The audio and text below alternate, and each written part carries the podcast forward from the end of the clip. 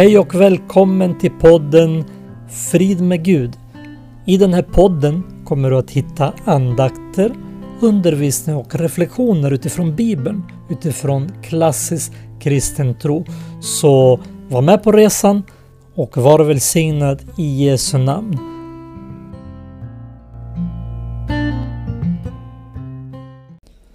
Hej och välkommen till detta avsnitt.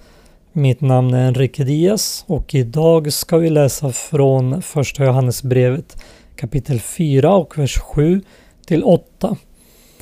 Och där står det så här, mina kära, låt oss älska varandra för kärleken kommer från Gud. Den som älskar är född av Gud och känner Gud. Men den som inte älskar känner inte Gud, för Gud är kärlek. Det finns många definitioner eh, på Gud i Bibeln. Och en av de största är naturligtvis att han är kärlek. Inte bara att han har kärlek att ge utan att han själv är kärlek. Eh, I vår tid så använder vi ordet kärlek eh, lite slarvigt. Eh, därför att i grundtexten i Bibeln så finns det lite olika betydelser beroende på vilken typ av kärlek det talas om. Och den djupaste kärleken är det den som åsyftas här. Och eh, vi ska älska varandra. Eh, och här talar, eh, talas det till församlingen, till de som är Guds barn. Eh, och vi ska också älska vår nästa även om man inte skulle vara ett Guds barn. Eh, men anledningen till uppmaningen att älska varandra är därför att kärleken kommer från Gud och att för att han är kärleken. Eh, om man älskar på riktigt då eh, fördömer man inte. Eh, då vill man inte hämnas, då vill man inte ge igen. Då vill man inte vara bättre än eller ha större prestige än någon annan.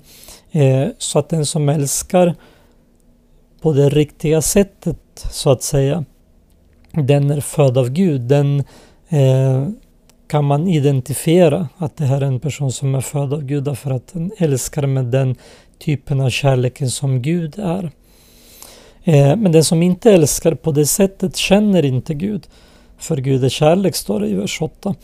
Eh, har man inte den förmågan eller känner man inte Gud, har man inte mött Jesus, då har man inte förmågan att älska på det sättet och speciellt inte eh, sin nästa eh, eller vem som helst så att säga. Utan den här kärleken som är så stark, den får man eh, ifrån Gud när man blir ett Guds barn. I vårt samhälle idag så eh, använder man eh, ordet kärlek som sagt lite slarvigt och eh, det är för att man tänker att eh, om man bara använder ordet kärlek då kan vad som helst vara okej. Okay. Eh, men Bibeln är ganska specifik med att eh, det finns vissa saker som är fel och det finns vissa saker som är rätt. Den är också väldigt specifik med att Gud är kärlek och att han uthärdar allting. Eh, att kärleken står ut med allting. Att kärleken är tålmodig och mild. Och det kan man läsa i första Korinthierbrevet 13. Där man ser alla beståndsdelar så att säga, eller alla, eh, alla sätt som kärleken eh, uttrycker sig på när den verkligen kommer från Gud. Så att eh, i församlingarna och bland människorna när man är ett Guds barn så ska det finnas kärlek. Och eh, den definieras ju också genom att man eh, gör för någon annan det som man själv vill att de ska göra mot en. Det vill säga den gyllene regeln som vi väl känner till. Och eh, vårt land Sverige har byggts upp eh, med de principerna från början och det finns ju en eh, godhet, en, ett, eh, en princip, det finns en grund som eh, samhället är byggt på. Det finns eh, lagar och regler som eh, samhället är byggt eh, på också som kommer eh, Eh, ifrån Bibeln, från principerna i Bibeln. Eh, men vill man verkligen lära känna Gud och vill man gå längre i det, då, då behöver man ha Guds kärlek i sig. När man blir en kristen då, då får man den helige Ande som gåva och eh, det är han som då hjälper oss att älska på riktigt. Eh, tips är att läsa första Korinthierbrevet 13, Kärlekens lov eh, och även att läsa hela eh, sammanhanget här från första Johannesbrevet 4.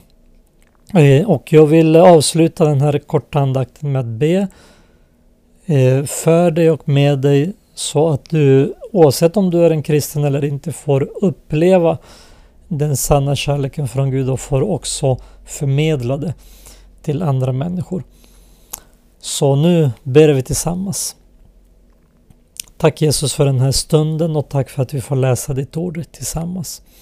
Jag ber dig eh, att du hjälper oss som ber till dig just nu att ha den sanna kärleken i oss och eh, om vi inte känner dig så låt oss då få komma till dig och, och visa dig för oss så att vi kan visa varandra sann kärlek. Vi kan visa vår nästa sann kärlek. Jag ber också om välsignelse för den personen som lyssnar. Ber om välsignelse för dennes familj, eh, för dess liv, för jobb eller studier och för allt som finns runt omkring den här personen. Och jag ber att du välsignar eh, den här personens vecka och det som kommer att hända under de närmaste dagarna. I Jesu namn ber jag. Amen. Tack för att du lyssnar och jag önskar dig en bra och välsignad vecka.